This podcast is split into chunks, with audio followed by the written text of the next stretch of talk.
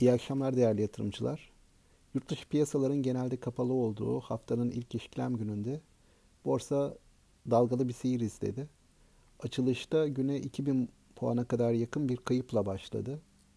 Ardından özellikle Türk Hava Yolları, e, Pegasus ulaştırma sektörü hisseleri ve e, gıda sektöründe Migros gibi hisselerde gelen alımlarla e, günü yatay seviyede kapattı gün içerisinde bir ara 97 bin seviyesinin e, üzerine de çıktı.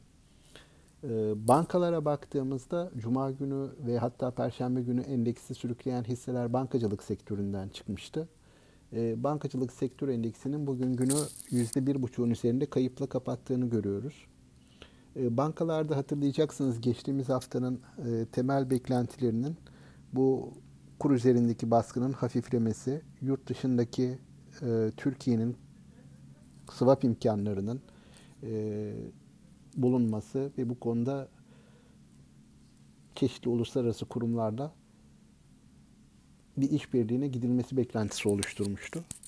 Bu haftanın ilk gününde e, hem bir miktar kurda değer kaybı gördük hem de bankacılık sektör hisseleri artan risk e, primiyle birlikte gerilediler. Tabii bugün e, bir başka önemli nokta yabancı katılımının oldukça sınırlı olmasıydı. Ee, bu anlamda nispeten e, yerli yatırımcının daha çok işlem yaptığı bir piyasa görünümü arz etti.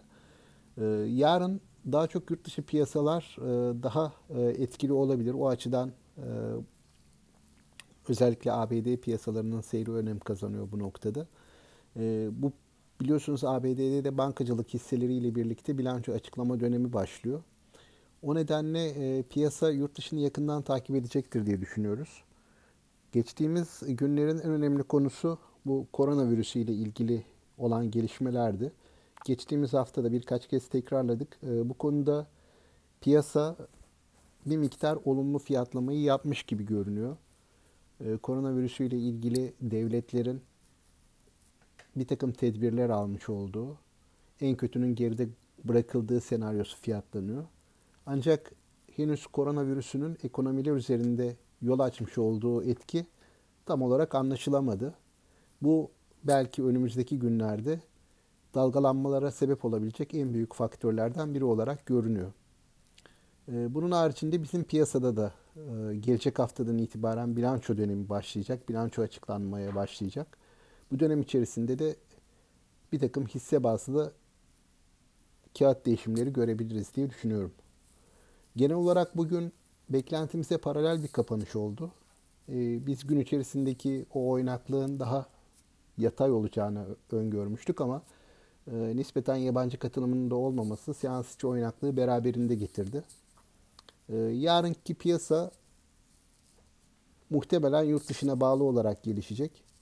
Bu anlamda hani e, bu seviyelerde bir miktar e, piyasanın kar realizasyonuna gidebileceğini de düşünüyoruz aslında.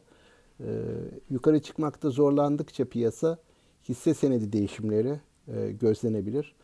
E, dolayısıyla e, yatırımcıların bir miktar daha tedbirli davranmasında fayda olduğunu düşünüyoruz hisse seçimi yaparken. Herkese sağlıklı ve bol kazançlı günler dileriz. İyi akşamlar.